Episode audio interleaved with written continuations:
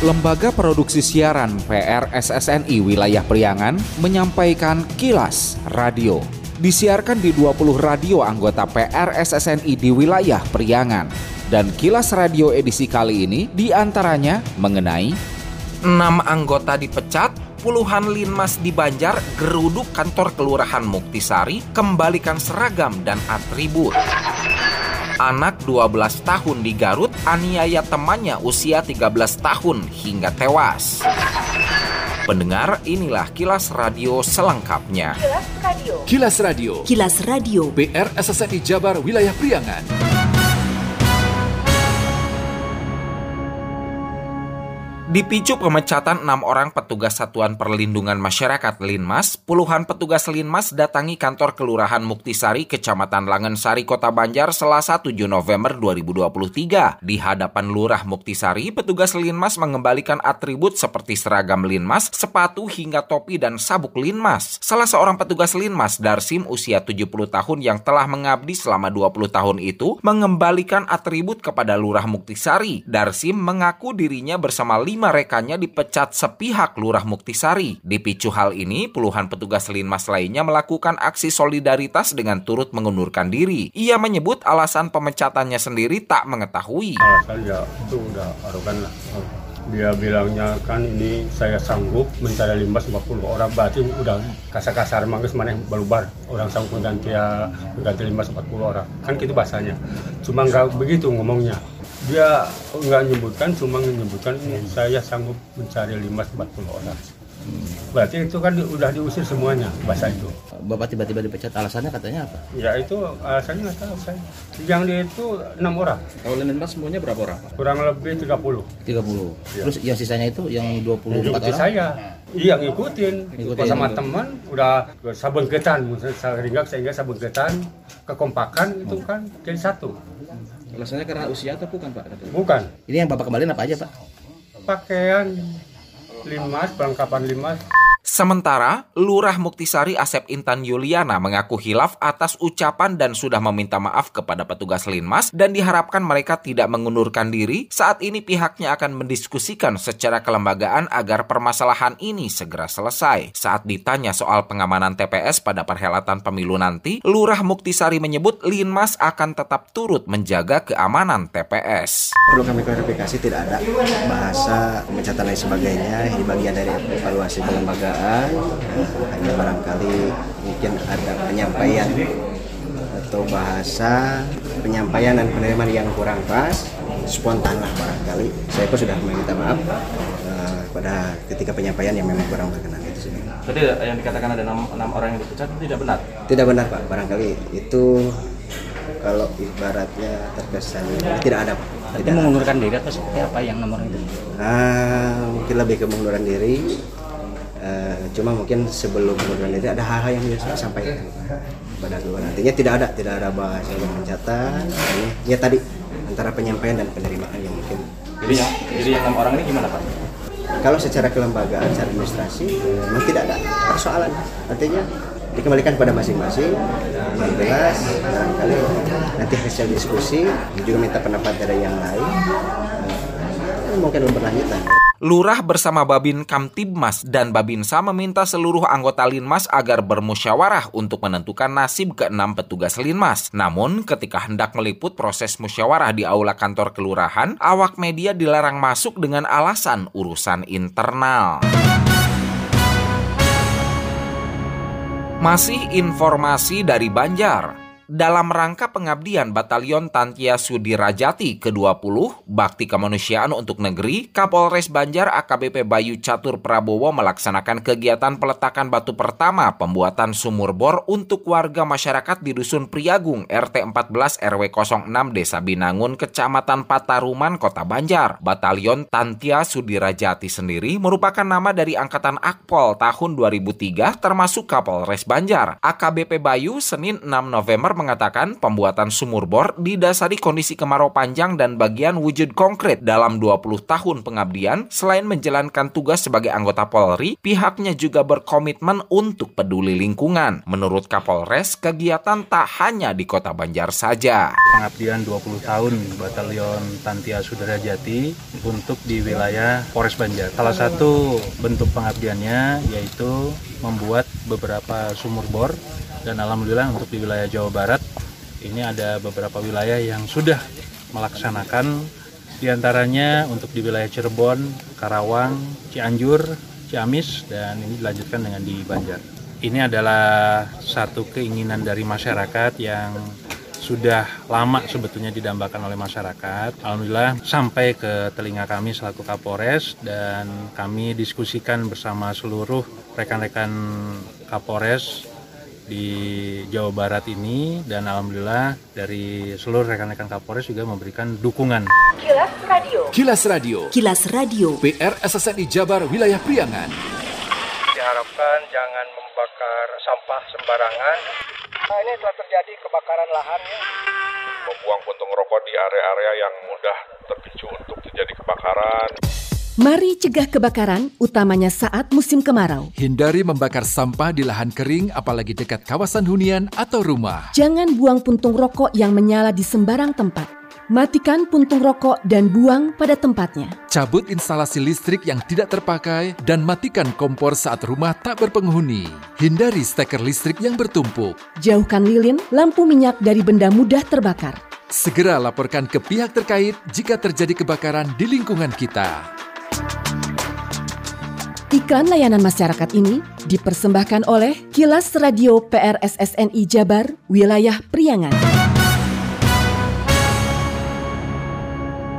Seorang anak usia 12 tahun di Kecamatan Cibiuk, Kabupaten Garut diduga menganiaya temannya yang berusia 13 tahun hingga meninggal dunia. Kasus terungkap setelah masyarakat menemukan jenazah di pinggir Sungai Cimanuk, Kecamatan Cibiuk, Kabupaten Garut. Kapolres Garut AKBP Rohman Yongki Dilata saat rilis kasusnya Selasa 7 November menjelaskan pihaknya menerima laporan dari orang tua korban terkait kasus itu pada Sabtu 4 November setelah dilakukan penyelidikan dengan memeriksa beberapa saksi, hasilnya mengarah kepada anak 12 tahun sebagai pelakunya. Menurut Yongki, berdasar hasil penyelidikan sementara, aksi dilakukan diduga karena anak berhadapan dengan hukum ABH sakit hati kepada korban. Korban diduga melakukan bercandaan kepada ABH saat mereka bermain voli bersama. Terkait aksi, Yongki menyebut dilakukan pelaku ABH di tepi sungai Cimanuk dengan melukai korban di bagian vital tangan dan leher menggunakan sebilah cutter. Tindak pidana kekerasan terhadap anak di bawah umur yang mengakibatkan meninggal dunia.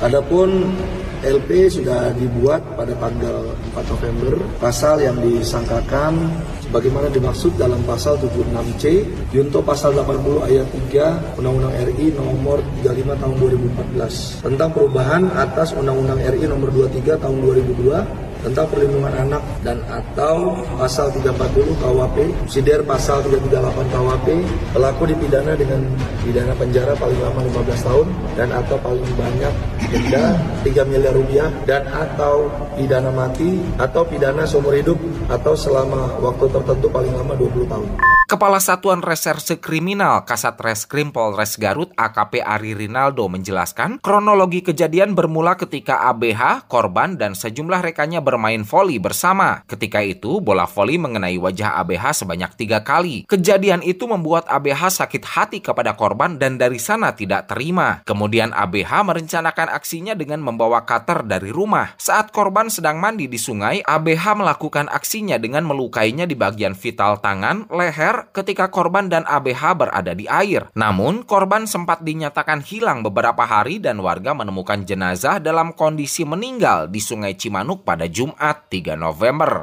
Posisi pada saat melakukan penganiayaan itu, korban dan anak yang berhadapan dengan hukum ini berada dalam sama-sama dalam air.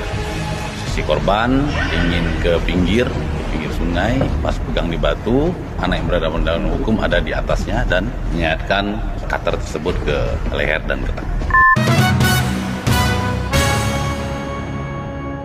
Masih informasi dari Garut. Pemkap Garut mulai menyusun dokumen rencana kontingensi Renkon Kedaruratan Kesehatan Masyarakat KKM Selasa 7 November. Kegiatan melibatkan Kementerian Kesehatan RI dan Dinas Kesehatan Provinsi Jawa Barat serta berbagai lintas sektor terkait. Ketua Tim Jasurveillance Imunisasi Dinkes Jabar, Dr. Dewi Ambarwati mengatakan Renkon KKM adalah langkah strategis untuk mengantisipasi potensi wabah penyakit di Kabupaten Garut, di mana dokumen itu akan memuat tugas lintas sektor dalam penanganan situasi darurat kesehatan masyarakat. Dewi menyampaikan penyusunan Renkon KKM baru dilakukan tiga kabupaten kota di Jawa Barat, yaitu Kabupaten Karawang, Subang, dan Garut. Jadi kita ketahui bahwa wabah atau bencana itu tidak hanya bencana alam, bisa juga bencana karena penyakit, salah satu seperti COVID-19 kemarin.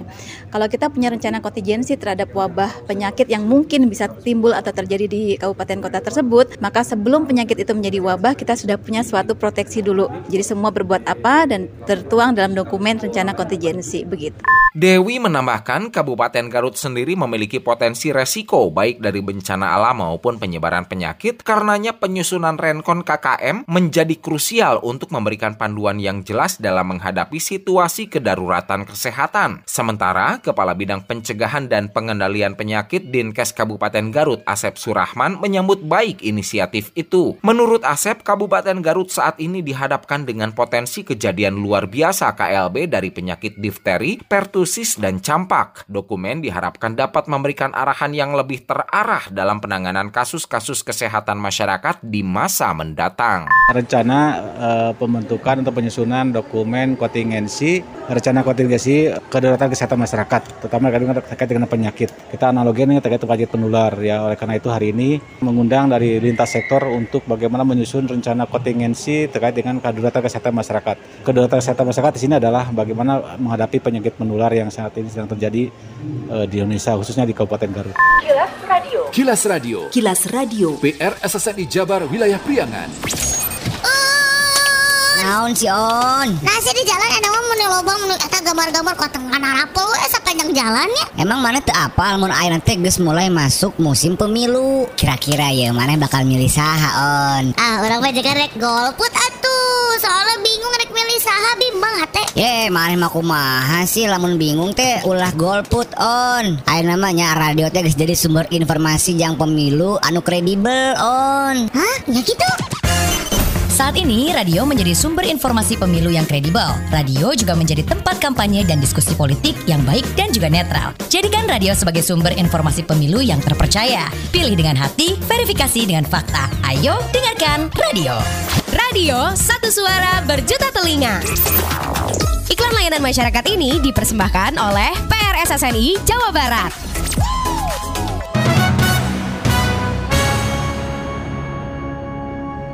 Info Pemilu Info Pemilu Persembahan PRSSNI Jawa Barat Komisi Pemilihan Umum KPU Kabupaten Pangandaran memastikan logistik pemilu 2024 telah diterima dengan baik. Ketua KPU Kabupaten Pangandaran Muhtadin menjelaskan logistik yang telah diterima pihaknya berupa bilik suara, kotak suara, dan segel. Kepada Andik ST Kilas Radio, Muhtadin menegaskan barang-barang logistik itu sesuai dengan keperluan, tidak ada kekurangan dan telah diamankan di gudang KPU. Bilik, kotak, kemudian segel kita tempatkan di gudang logistik KPU Kabupaten Pangandaran. Dari tiga macam logistik jumlahnya sesuai Pak? Sejauh ini jumlah yang ada bilik sejumlah 5.384 buah, kotak suara 6.750 buah, kemudian segel 129.424 buah. Hmm. Sejauh ini dari perhitungan awal yang diformatkan sebagai kebutuhan logistik yang di KPU Kabupaten Pangandaran sudah sesuai dengan yang direncanakan gitu. Kilas Radio. Kilas Radio. Kilas Radio. PR SSNI Jabar Wilayah Priangan. Sekian Kilas Radio. Saya Dido Nurdani beserta tim Kilas Radio Priangan. Salam PRSSNI. Kilas, Kilas. Kilas. Radio.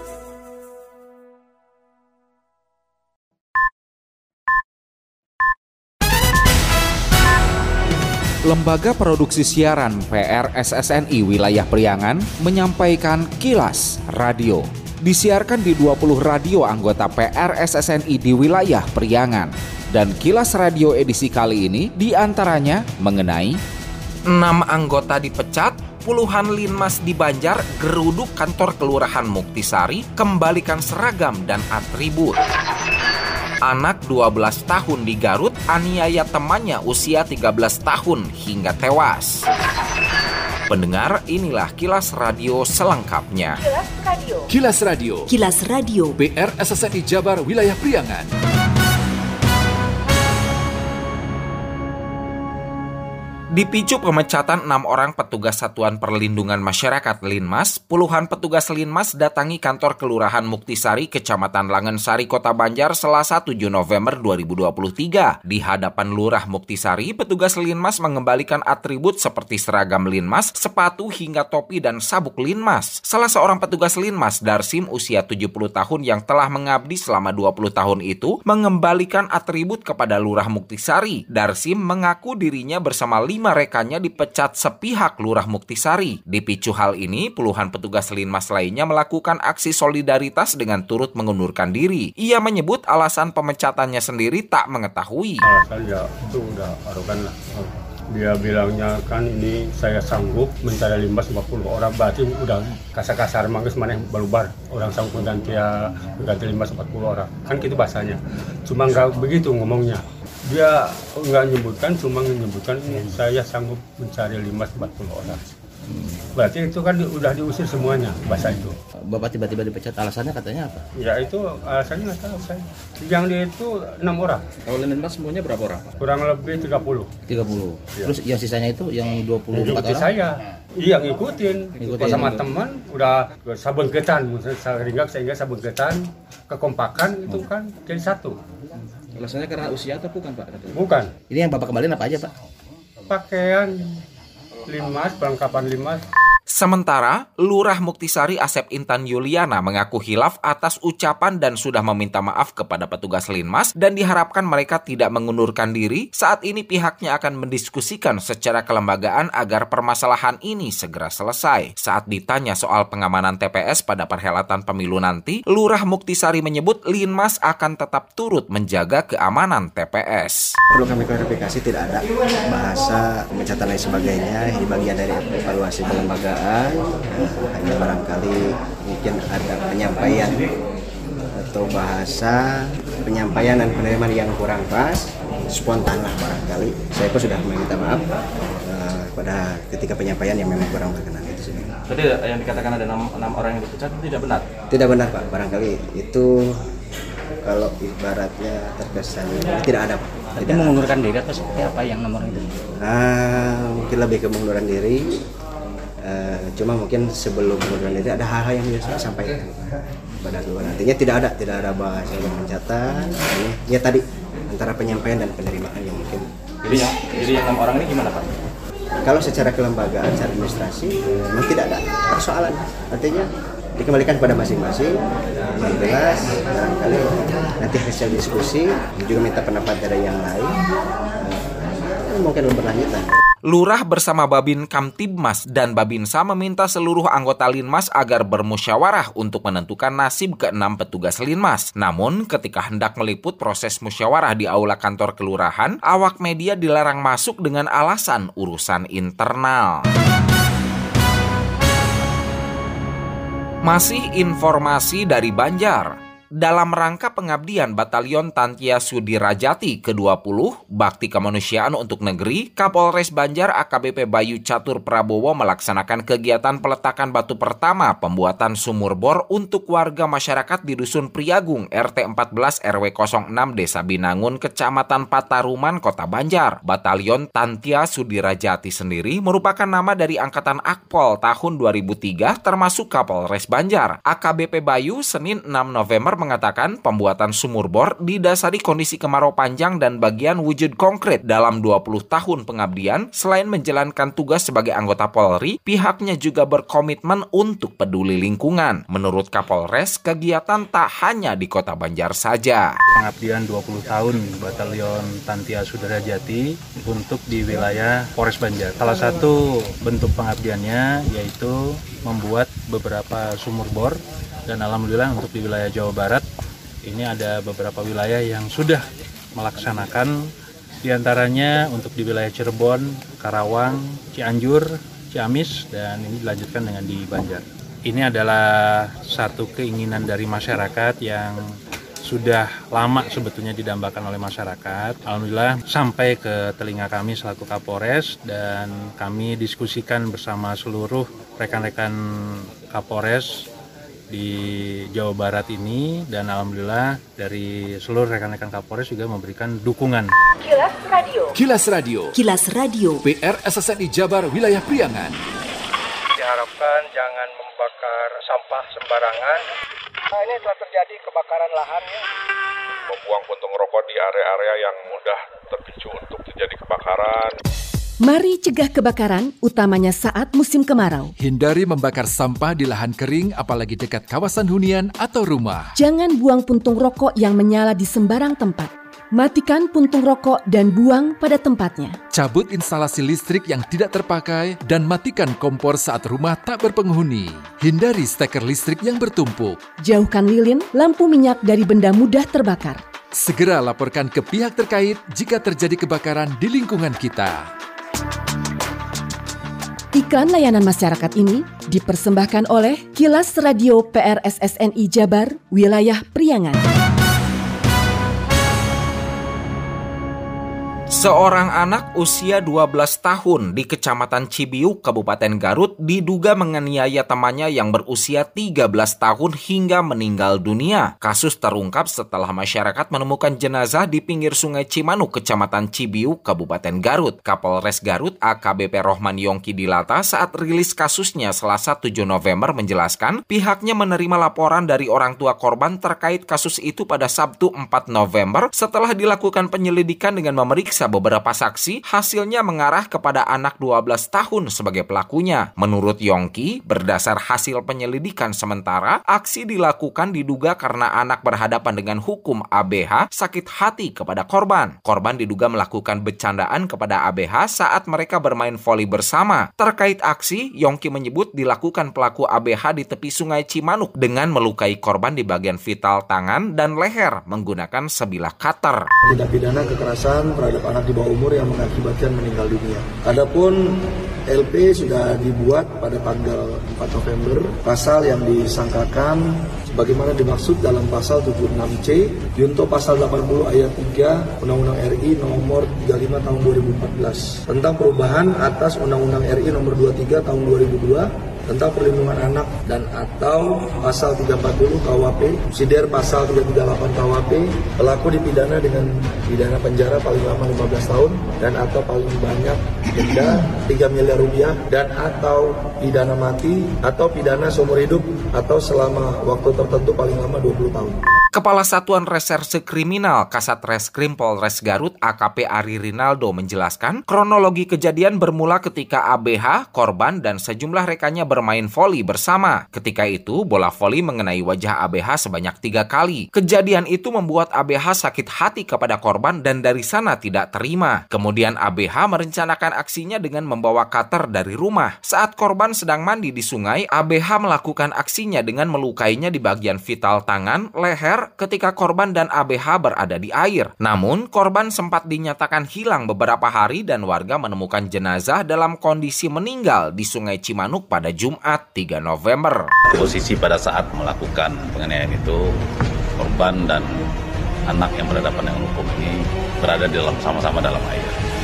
Si korban ingin ke pinggir, pinggir sungai, pas pegang di batu, anak yang berhadapan dengan hukum ada di atasnya dan menyayatkan cutter tersebut ke leher dan ke tangan. Masih informasi dari Garut. Pemkap Garut mulai menyusun dokumen rencana kontingensi Renkon Kedaruratan Kesehatan Masyarakat KKM Selasa 7 November. Kegiatan melibatkan Kementerian Kesehatan RI dan Dinas Kesehatan Provinsi Jawa Barat serta berbagai lintas sektor terkait. Ketua Tim Jasurveillance Imunisasi Dinkes Jabar, Dr. Dewi Ambarwati mengatakan Renkon KKM adalah langkah strategis untuk mengantisipasi potensi wabah penyakit di Kabupaten Garut, di mana dokumen itu akan memuat tugas lintas sektor dalam dalam penanganan situasi darurat kesehatan masyarakat. Dewi menyampaikan penyusunan Renkon KKM baru dilakukan tiga kabupaten kota di Jawa Barat yaitu Kabupaten Karawang, Subang, dan Garut. Jadi kita ketahui bahwa wabah atau bencana itu tidak hanya bencana alam, bisa juga bencana karena penyakit, salah satu seperti COVID-19 kemarin. Kalau kita punya rencana kontingensi terhadap wabah penyakit yang mungkin bisa timbul atau terjadi di kabupaten kota tersebut, maka sebelum penyakit itu menjadi wabah, kita sudah punya suatu proteksi dulu. Jadi semua berbuat apa dan tertuang dalam dokumen rencana kontingensi begitu. Dewi menambahkan Kabupaten Garut sendiri memiliki potensi resiko baik dari bencana alam maupun penyebaran penyakit karenanya penyusunan Renkon KKM menjadi krusial untuk memberikan panduan yang jelas dalam menghadapi situasi kedaruratan kesehatan. Sementara Kepala Bidang Pencegahan dan Pengendalian Penyakit Dinkes Kabupaten Garut Asep Surahman menyambut baik inisiatif itu. Menurut Asep, Kabupaten Garut saat ini dihadapkan dengan potensi kejadian luar biasa KLB dari penyakit difteri, pertus pertusis, dan campak. Dokumen diharapkan dapat memberikan arahan yang lebih terarah dalam penanganan kasus-kasus kesehatan masyarakat di masa mendatang. Rencana uh, pembentukan atau penyusunan dokumen kontingensi, rencana kontingensi kedaruratan kesehatan masyarakat, terutama terkait dengan penyakit. Kita analoginya terkait penyakit penular ya. Oleh karena itu hari ini mengundang dari lintas sektor untuk bagaimana menyusun rencana kontingensi terkait dengan kedaruratan kesehatan masyarakat. Kedaruratan kesehatan masyarakat di sini adalah bagaimana menghadapi penyakit menular yang saat ini sedang terjadi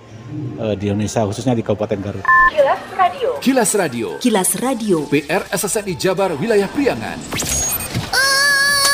Naon si On? Nasi di jalan ada mau menu lobang menu eta gambar-gambar kok tengah narapul we sepanjang jalan ya. Emang mana tuh apa mun ayeuna teh geus mulai masuk musim pemilu. Kira-kira ya mana bakal milih saha On? Ah, orang mah jaga rek golput atuh. Soalnya bingung rek milih saha bimbang hate. Ye, mana mah kumaha sih lamun bingung teh ulah golput On. Ayeuna namanya radio teh geus jadi sumber informasi yang pemilu anu kredibel On. Hah? Ya gitu.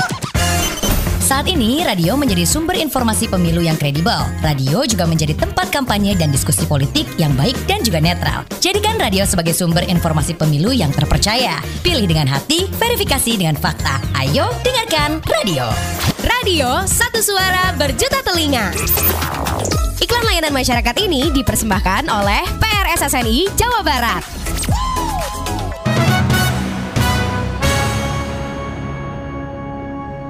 Info Pemilu. Info Pemilu.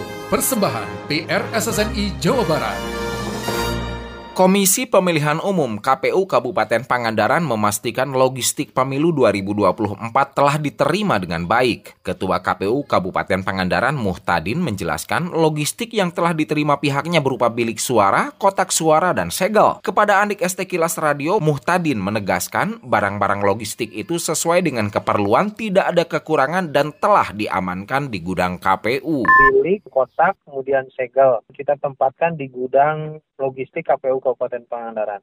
Dari tiga macam logistik jumlahnya sesuai Pak? Sejauh ini jumlah yang ada bilik sejumlah 5.384 buah, kotak suara 6.750 buah, kemudian segel 129.424 buah. Hmm. Sejauh ini dari perhitungan awal yang di- diformatkan sebagai kebutuhan logistik yang di KPU Kabupaten Pangandaran sudah sesuai dengan yang direncanakan begitu. Kilas Radio. Kilas Radio Kilas Radio. PR SSNI Jabar Wilayah Priangan Sekian Kilas Radio. Saya Dido Nurdani beserta tim Kilas Radio Priangan. Salam PRSSNI. Kilas, Radio.